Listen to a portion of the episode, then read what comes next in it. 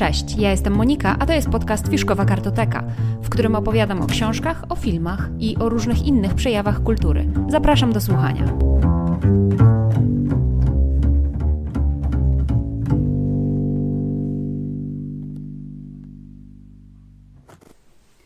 Cześć, witajcie.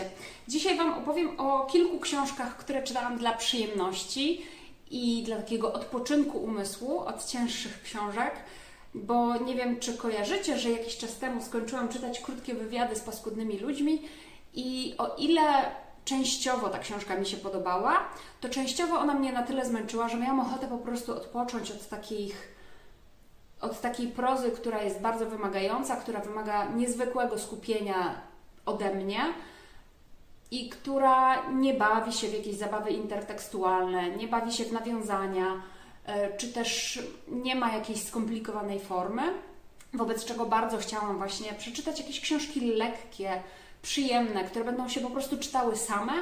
No i dzisiaj opowiem Wam właśnie o tym, co czytałam, żeby odpocząć. Pierwszą książkę, jaką przeczytałam, nie dała mi takiego wytchnienia i takiego odpoczynku, jakiego chciałam. I o tej książce opowiadałam w poprzednim e, odcinku tego podcastu. Tudzież na kanale YouTube e, tego filmu, opowiadałam Wam o książce Neuromancer, Neuromancer Williama Gibsona. Odsyłam Was do tamtego odcinka, do tamtej części, bo o samej książce tam zdecydowanie więcej mówiłam. Natomiast ta książka nie była dla mnie takim odpoczynkiem, ponieważ może nie była jakoś super wymagająca w formie, ale była nie do końca dobrze skonstruowana ta fabuła, Wobec tego ode mnie wymagała też dosyć dużego skupienia. Musiałam tam wracać e, do niektórych części, bo nie pamiętałam, co się wydarzyło, nie wiedziałam, w jaki sposób coś, tam się stało, gdzie, jak to się stało, że ja się znalazłam w tym miejscu, a, czy też bohaterowie, jak to się stało, że znaleźli się w tym miejscu, a nie w innym. Więc to dla mnie nie było takie super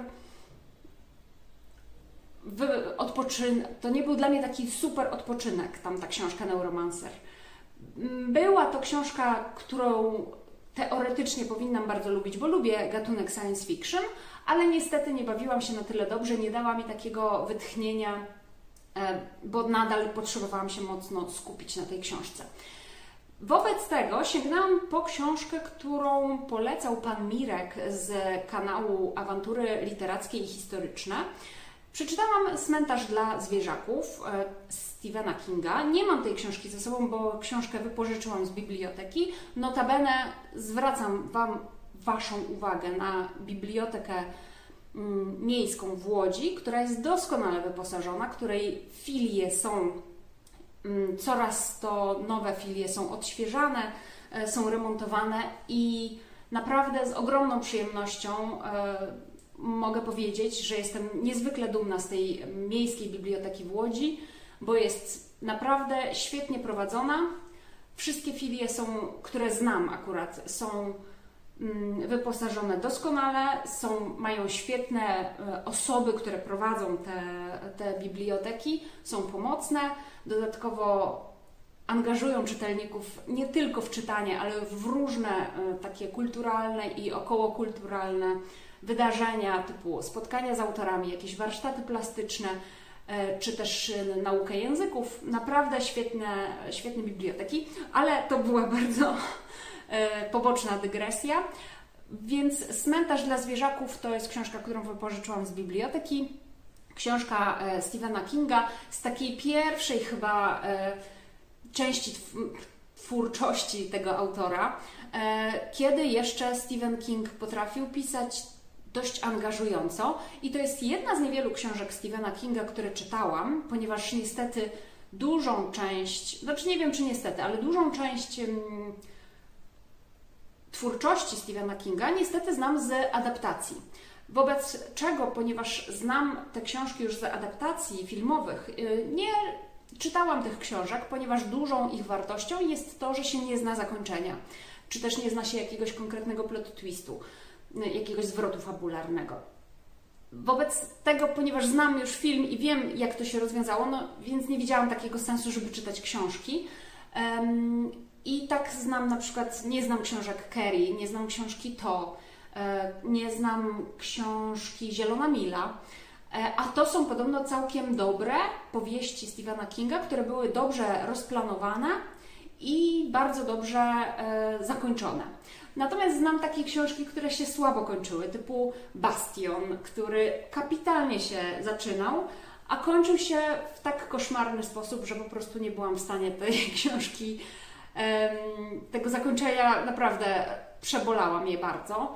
Tak samo nie podobało mi się zakończenie książki e, pod kopułą, którą po prostu świetnie się zaczynała, a ta końcówka była taka jakaś z kosmosu, no, dosłownie, że w ogóle no, nie byłam w stanie zrozumieć, jak tak głupie pomysły Stephen King ma. No i jeszcze tam kilka książek Stephena Kinga czytałam. Ale e, Cmentarz dla zwierzaków to jest bardzo ciekawa książka. To nie jest taki typowy horror. Ja się na przykład tutaj nie bałam. Zresztą muszę przyznać, że Stephen King w tej warstwie takiej psychologicznej, społecznej, socjologicznej jest kapitalny. On świetnie rozpisuje dialogi, relacje pomiędzy postaciami i w tej książce Cmentarz dla zwierzaków też to mamy. Mamy tutaj e, rodzinę, matka, ojciec i dwoje dzieci, która przeprowadza się do nowego miasteczka w Stanach Zjednoczonych. Tutaj będzie e, ojciec rodziny mm, doktorem na uniwersytecie e, w pobliskim mieście. No i sprowadzają się wszyscy do takiego małego miasteczka, będą mieszkać w jakimś domeczku małym, I na tyłach tego domu jest ścieżka, która prowadzi właśnie na taki cmentarz dla zwierzaków, w którym dzieciaki chowają swoje ulubione, ukochane zwierzątka, które zmarły.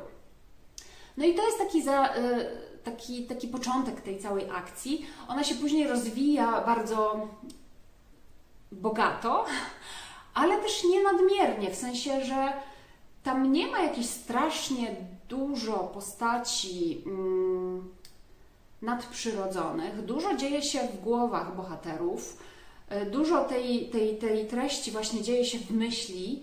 Myślę, że to jest też dosyć trudne do zrobienia adaptacji, chociaż podobno film jest. Ja tego filmu nie widziałam. Nawet nie wiedziałam, że jest. Dopiero po jakimś czasie się dowiedziałam, szczerze mówiąc, z postu na Instagramie.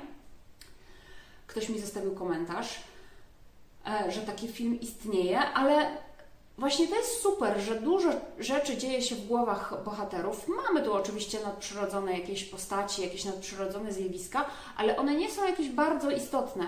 Myślę, że właśnie zdradzenie i yy, przekombinowanie w fabule, dodanie zbyt dużej ilości tych nadprzyrodzonych rzeczy sprawia, że powieść jest mało wiarygodna, że jest tak yy, dość. czyta mi się z takim małym zaufaniem do autora, a tam ta książka naprawdę, a ta książka Cmentarz dla zwierzaków świetnie mi się czytała, kapitalnie. Te ostatnie 100 stron, gdzie tam była taka dość intensywna akcja, była dla mnie bardzo fascynująca i wciągnęła mnie ta książka bez reszty. Przeczytałam ją bardzo szybko i naprawdę świetnie się czytało. Bardzo dziękuję panu Mirkowi z awantur literackich i historycznych za polecenie, bo naprawdę doskonała powieść i ona odniosła swój skutek, to znaczy, że Odpoczęłam przy niej, bawiłam się świetnie, nie zastanawiałam się nadmiernie na, jakoś nad fabułą, nad formą, bo tutaj forma jest prosta. E, to jest po prostu powieść, która swoją opowieścią, swoją historią ma mnie wciągnąć, a nie daje mi jakieś takie ambitne zabawy formą, czy też jakimiś postmodernistycznymi zabawami intertekstualnymi. Nie, to była prosta historia, odtąd dotąd to się miało dziać, miało mnie wciągnąć i tak też się stało. Kolejną książką, właściwie powiem o pewnym cyklu, bo skończyłam czytać dwie książki, które, się składają na dylogię Noc Kota Dzień Sowy. Pierwsza część to jest Zamek Cieni, której już nie mam, a druga część to jest y, książka, y, to jest drugi tom, czyli Gliniana Pieczęć. Mm, autorką tej książki jest Marta Kłać-Kocot. Jest to książka, która została wydana już kilka lat temu. Y, myślę, że pierwsza część to była w 2015 roku, Tutaj widzę, że druga część jest z 2018 roku, więc no, możliwe, że się pomyliłam z tym 2015. 2018 rok, druga część wydana. Książka fantazy, w której teoretycznie mamy wszystkie takie um, schematy książki fantazy, jakie powinny być. Znaczy, może nie wszystkie, ale dużo. Mamy czarodziejów, e, mamy mm, świat, który jest taki trochę średniowieczny, trochę mm, nie wiadomo jaki, ale taki właśnie trochę czas właśnie średniowieczny, tam się wszyscy poruszają na koniach, jakimiś wozami, są zamki, czyli takie trochę średniowieczne i właśnie plus wzbogacone o magię. E, mamy tutaj jakąś ekipę, która się zbiera, e, trochę taka właśnie Avengers tamtego świata, zbierają się, żeby wykonać pewną misję. Mamy tutaj też romans pomiędzy dwoma, dwojgiem bohaterów, pomiędzy Mitrią i Jardalem. E, no i tutaj naokoło tego wszystkiego dzieje się wiele rzeczy. Mamy sporo schematów, pierwszej części tej książki, w, pierwszej, w pierwszym tomie, a właściwie w pierwszej części pierwszego tomu, miałam poczucie, że to będzie schemat na schemacie i że nawet nie byłam pewna, czy będę kończyć w ogóle e, ten, czy będę czytać ten drugi tom, bo dość mocno mnie to zmęczyło, że to było takie schematyczne, ale już w drugiej części tego pierwszego tomu zaczęło się to troszeczkę rozbudowywać. Już autorka zaczęła wychodzić z tych schematów, zaczęła je łamać te konwencje były połamane. Już nie było tak bardzo schematycznie i topornie. Wręcz e, już widziałam, że chyba chodziło specjalnie autorce, żeby wprowadzić pewne stereotypy, a potem je rozbić. Więc bardzo fajnie poprowadzona powieść, e, bardzo mi się to spodobało. Mamy tutaj, ja troszkę mam zastrzeżeń do tej książki, bo według mnie jest bardzo dużo tutaj postaci, które niektóre są świetnie rozbudowane, jak Grandini, e, Dionysius e, Grandini, a niektóre są bardzo płaskie i takie teoretycznie stanowią e, dość, mm, dość ważne postacie, ale są dosyć płaskie jak dla mnie. Więc mamy tutaj bardzo dużo postaci i różnie, w różnym stopniu one są rozbudowane. Niektóre są, tak jak mówię, płaskie. Mamy też bardzo dużo wątków, naprawdę bardzo dużo wątków. Mamy wątek magów, mamy wątek romansu, mamy wątek polityczny, mamy wątek e, walki o władzę, która już nie jest tak bardzo polityczna i nie jest taką walką pomiędzy państwami i, i, i jakimiś regionami w tym świecie, tylko po prostu taką walką o władzę nad światem. E, mamy jakieś mity nordyckie, trochę takie jakby ala nordyckie. Mamy mit Gilgamesza, tutaj wplątany. Mamy też taki, taki wątek prządek, trzech prządek, które obserwują historię, która nam się wydarza. Więc tutaj nagromadzenie wątków jest duże. Tomy są nie tak grube, bo one są teoretycznie dwa tomy i powinno to fajnie być rozbudowane, ale oba tomy są około 300 stronicowe, więc mamy tutaj 600 stron na to, żeby poprowadzić te wątki e, i rozbudować je, zamknąć. I według mnie nie za wszystkim się to super udało. Niektóre wątki są dość zapomniane, potraktowane po macoszemu. Więc tak nie do końca, niektóre wątki z kolei są, wydaje mi się, nie do końca potrzebne. E, chociaż dodają oczywiście jakieś tam e, rozrywki w tej całej powieści. Podoba mi się też język w tej książce, bo tutaj na samym początku szczególnie zauważyłam to w pierwszym tomie. W drugim tomie albo się przyzwyczaiłam do tego języka, albo po prostu też autorka już przestała wprowadzać takie słownictwo. Tutaj mamy na przykład dość mm, ciekawe słowa, których, z którymi się albo bardzo dawno temu spotkałam. To są takie słówka jak e, nakastlik, na, na, jeśli dobrze pamiętam, to jest szafka ja takie słowo pamiętam z bardzo dawnych powieści, nie wiem, które czytałam jak byłam małą dziewczynką. E, karło, to jest karło, to jest taki stołek, stolicz, stołeczek, coś takiego. Mamy skwirmew, to jest słowo, którego musiałam poszukać w słowniku, bo nie wiedziałam, że w ogóle co to znaczy. Z kontekstu mogłam się domyśleć, że to jest dźwięk, który wydaje mewa, natomiast ja się nigdy z tym słowem nie spotkałam, więc ten język jest ciekawy, rozbudowany, taki yy, faktycznie bogaty. Poza tym yy, tutaj też jest bardzo ładnie yy, ten język zniuansowany, to znaczy osoby, które się wywodzą z takiej wyższej mm, klasy, typu czarodzieje, magowie albo jakaś szlachta, wysławiają się w inny sposób niż osoby z mieszczaństwa, z plebsu, Widać to ewidentnie, tutaj takie rozgraniczenie językowe dla tych postaci, co jest super ciekawe. No i zakończenie też jest bardzo interesujące. E, bardzo mnie to cieszy, ponieważ mnie akurat takie wątki nudzą w powieściach fantazy, że nie ma tutaj walk. Nie ma bitew, które się rozgrywają. Nie ma jakichś walk pomiędzy złem a dobrem. To wszystko się rozgrywa jakby po. Jest tu konflikt, ale on się nie rozgrywa na takim na takiej zasadzie jak wiele powieści fantazy, że ktoś tam walczy, tu mieczem, tutaj magią. Są jakieś drobne takie yy, yy, akcje, ale nie ma tego za dużo i bardzo, tak jak mówię, mnie to cieszy, bo ja takich rzeczy nie lubię. Więc ostatecznie, podsumowując, y, Noc Kota Dzień Sowy Marty Kłać-Kocot, wydane w wydawnictwie Genius Creations, jest książką naprawdę bardzo porządną z gatunku fantazy i ja ją Wam bardzo polecam. E, kolejną książkę, którą czytałam, e, to jest książka Magdaleny Lebdy, e, Małgorzaty Lebdy, przepraszam, zatytułowana Łakome. I nie wzięłam jej ze sobą, więc poczekajcie chwilę.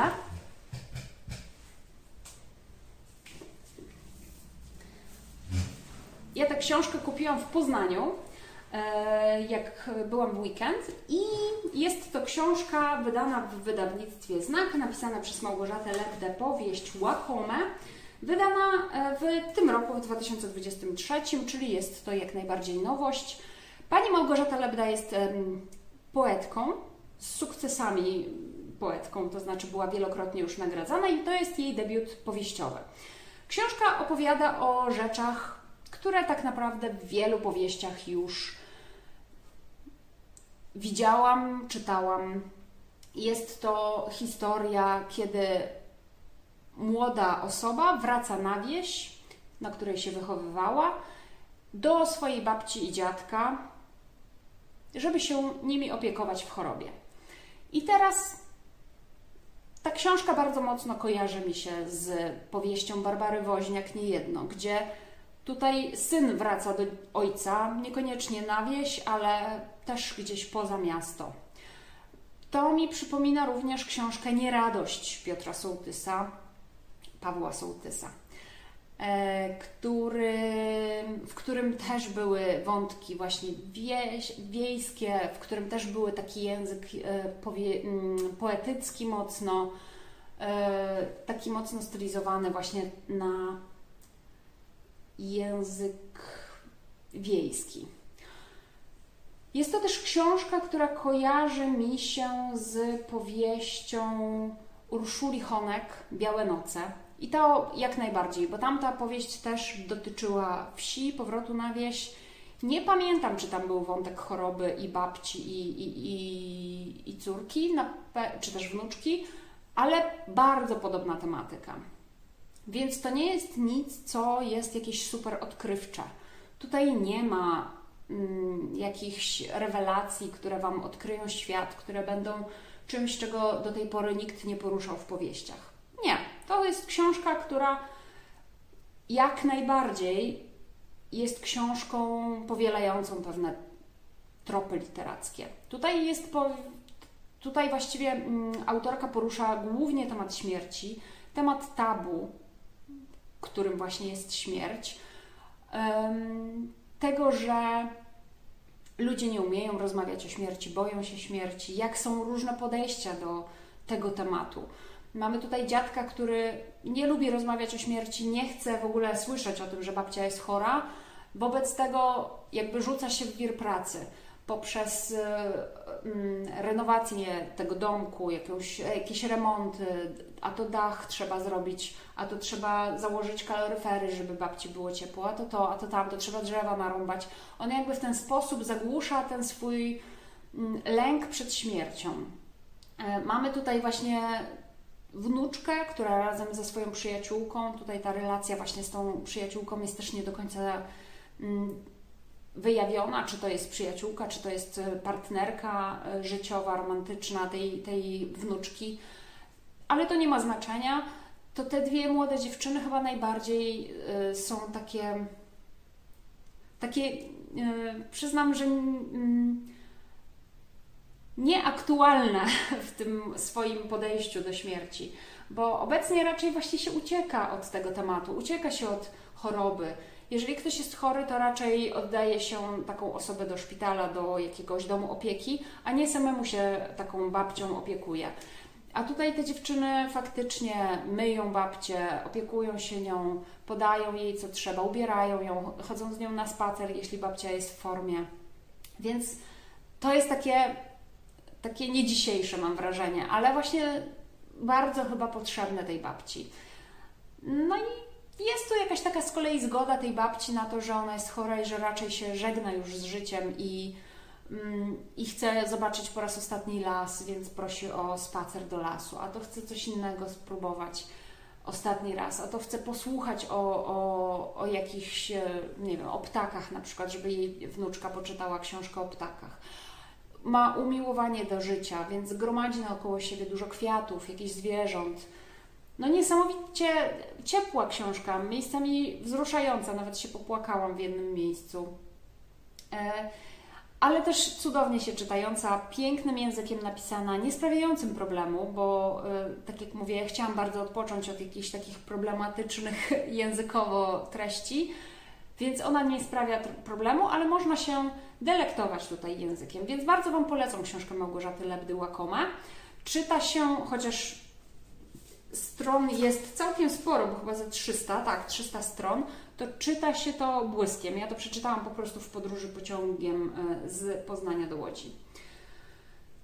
I, I to tyle, jeżeli chodzi o książki, bo tak sobie zerknęłam w listę. Jeżeli chodzi o książki, to tyle, ale chciałam Wam jeszcze polecić pewną wystawę. Wystawę właśnie w Poznaniu. Już sobie y, odszukuję, jak się nazywa ta wystawa. To jest w Muzeum e, Narodowym w Poznaniu. Mm, wystawa Obrazy Jacka Malczewskiego z kolekcji Lwowskiej Narodowej Galerii Sztuki imienia Borysa Woźnickiego. Tytuł wystawy to Idę w świat i trwam. I jest to wystawa, która będzie trwała do 1 października, więc macie jeszcze połowę miesiąca, dwa tygodnie mniej więcej, na to, żeby tę wystawę zobaczyć i ja ją Wam bardzo, bardzo polecam. Ja w ogóle bardzo lubię Jacka Malczewskiego. Nie wiem, czy znacie tego autora. Jest to malarz, który malował pod koniec XIX wieku i na początku XX wieku. On zmarł w 2000, w ty, przepraszam, w 1929 roku, więc jeszcze przed II wojną światową. I jest to malarz, który maluje w bardzo ciekawej stylistyce. To znaczy, jeśli chodzi o formę, to jest to bardzo realistyczne, to jest to bardzo realistyczne malarstwo, to znaczy postaci są niezniekształcone, niezdeformowane, są takie, jak są naprawdę. Natomiast w wymiarze takim e, treściowym jest to bardzo symboliczne malarstwo.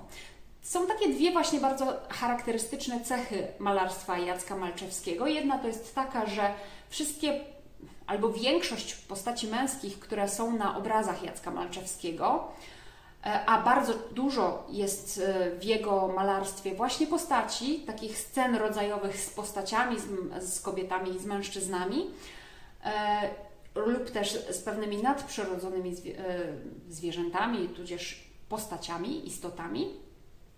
I są to dość bliskie plany, takie amerykańskie plany, gdzieś tak od piersi w górę. E, to wiele męskich postaci na tych obrazach Jacka Malczewskiego to są jego autoportrety. Czyli jeżeli mamy na przykład Jezusa, to on ma twarz Jacka Malczewskiego. Jeżeli mamy twarz jakiegoś rycerza, to też on ma twarz właśnie Jacka Malczewskiego. I to jest jedna z bardzo charakterystycznych cech. E, też Jacek Malczewski był bardzo taki charakterystyczny w wyglądzie. Miał łysą głowę, taki brudkę hiszpańską, taki był właśnie, mam wrażenie, taki hiszpański z czasów inkwizycji. E, nikt nie spodziewa się hiszpańskiej inkwizycji. Jeżeli chodzi o drugą charakterystyczną cechę dla malarstwa Jacka Malczewskiego, to jest właśnie symbolizm. To znaczy, tak jak powiedziałam, bardzo realistyczne postaci są, natomiast one odgrywają różnego rodzaju scenki, które mają charakter symboliczny. Bardzo często ten charakter symboliczny wyraża się w jakichś atrybutach, które te postaci trzymają w rękach, albo są na przykład ubrane w jakiś charakterystyczny sposób lub uformowane. Ta, ta, ta scenka rodzajowa jest tak mm, skonstruowana, żeby nam coś przywodziła na myśl. Częstą tematyką e, jego obrazów są, nie wiem, śmierć, jakieś takie postaci właśnie symboliczne z przeszłości Polski, z historii Polski, jakieś takie mm, dotyczące powstań e, listopadowo-styczniowych i innych. Ale też właśnie mamy tutaj postaci takie nadprzyrodzone, typu anioły, jakieś reprezentacje śmierci, mamy też fauny lub jakieś właśnie, no głównie chyba fauny. E, I albo hydry, hybry, tak myślę, hydry? Nie wiem. E, dobra, uciekło mi słowo. Nieważne. No i mamy teraz tę um, wystawę w Muzeum Narodowym w Poznaniu. Idę w świat i trwam. Na pierwszym piętrze tego, tej wystawy mamy obrazy Jacka Malczewskiego, które właśnie pochodzą z tej Lwowskiej Narodowej Galerii Sztuki.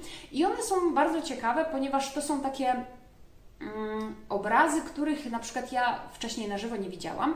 A jeszcze ciekawą, e, charakterystyczną cechą malarstwa Jacka Malczewskiego jest to, że kiedy on interesował się jakimś tematem, to bardzo często jeden obraz malował w różnych wersjach. To znaczy, jeżeli mamy obraz na przykład zakazana studia, studnia, to ten obraz jest mm, namalowany w kilku wersjach. Tych obrazów jest e, zatytułowanych Zakazana studnia, jest, e, czy też Zatruta studnia, jakaś tam studnia, jest narysowanych tych mm, obrazów, nie wiem, kilka albo nawet kilkanaście. Więc mamy właśnie takie reprezentacje tych obrazów, których wcześniej nie widziałam na, z, tej lwowskiej, z tej Lwowskiej Narodowej Galerii Sztuki na pierwszym piętrze. I to jest bardzo fajne, ciekawe. E, bo później, to za chwilkę powiem, możemy je obejrzeć w jeszcze innej wersji e, w obrazach z galerii, z kolei mm, z kolekcji Muzeum Narodowego w Poznaniu. Ale co jeszcze jest ciekawego w tej części z Lwowa, to to, że część tych obrazów jest pokazana w bardzo nietypowy sposób. To znaczy, one są na przykład pokazane, wystawione w skrzyniach, w takich skrzyniach, w jakich się mm, transportuje obrazy z miejsca na miejsce, z jakiegoś muzeum jednego do drugiego muzeum, to znaczy widzimy skrzynię y, drewnianą, naokoło jest e, tej, w środku tej skrzyni naokoło mamy takie wyściełanie z jakiejś folii, z jakiegoś papieru, paku, jakieś takie mm, gąbki, żeby temu obrazowi się nic nie stało. E, mamy w środku oczywiście ten obraz.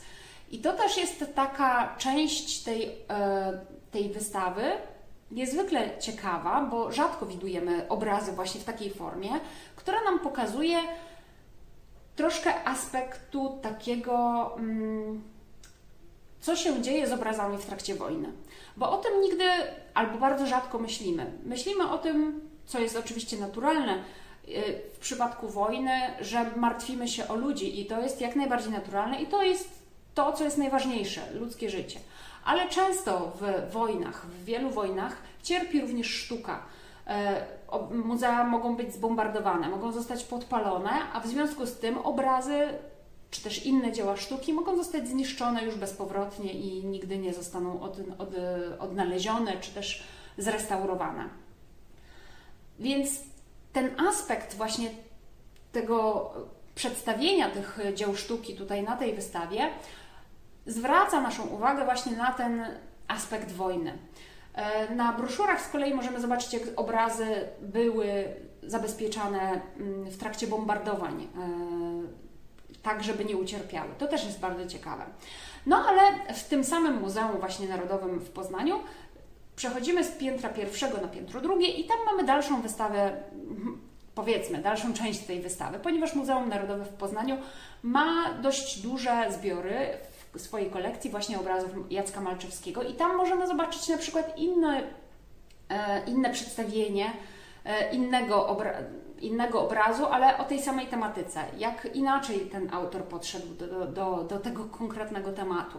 Mamy kilka obrazów na przykład obok siebie, e, przedstawiające ten sam temat, właśnie tę zatrutą studnię chyba.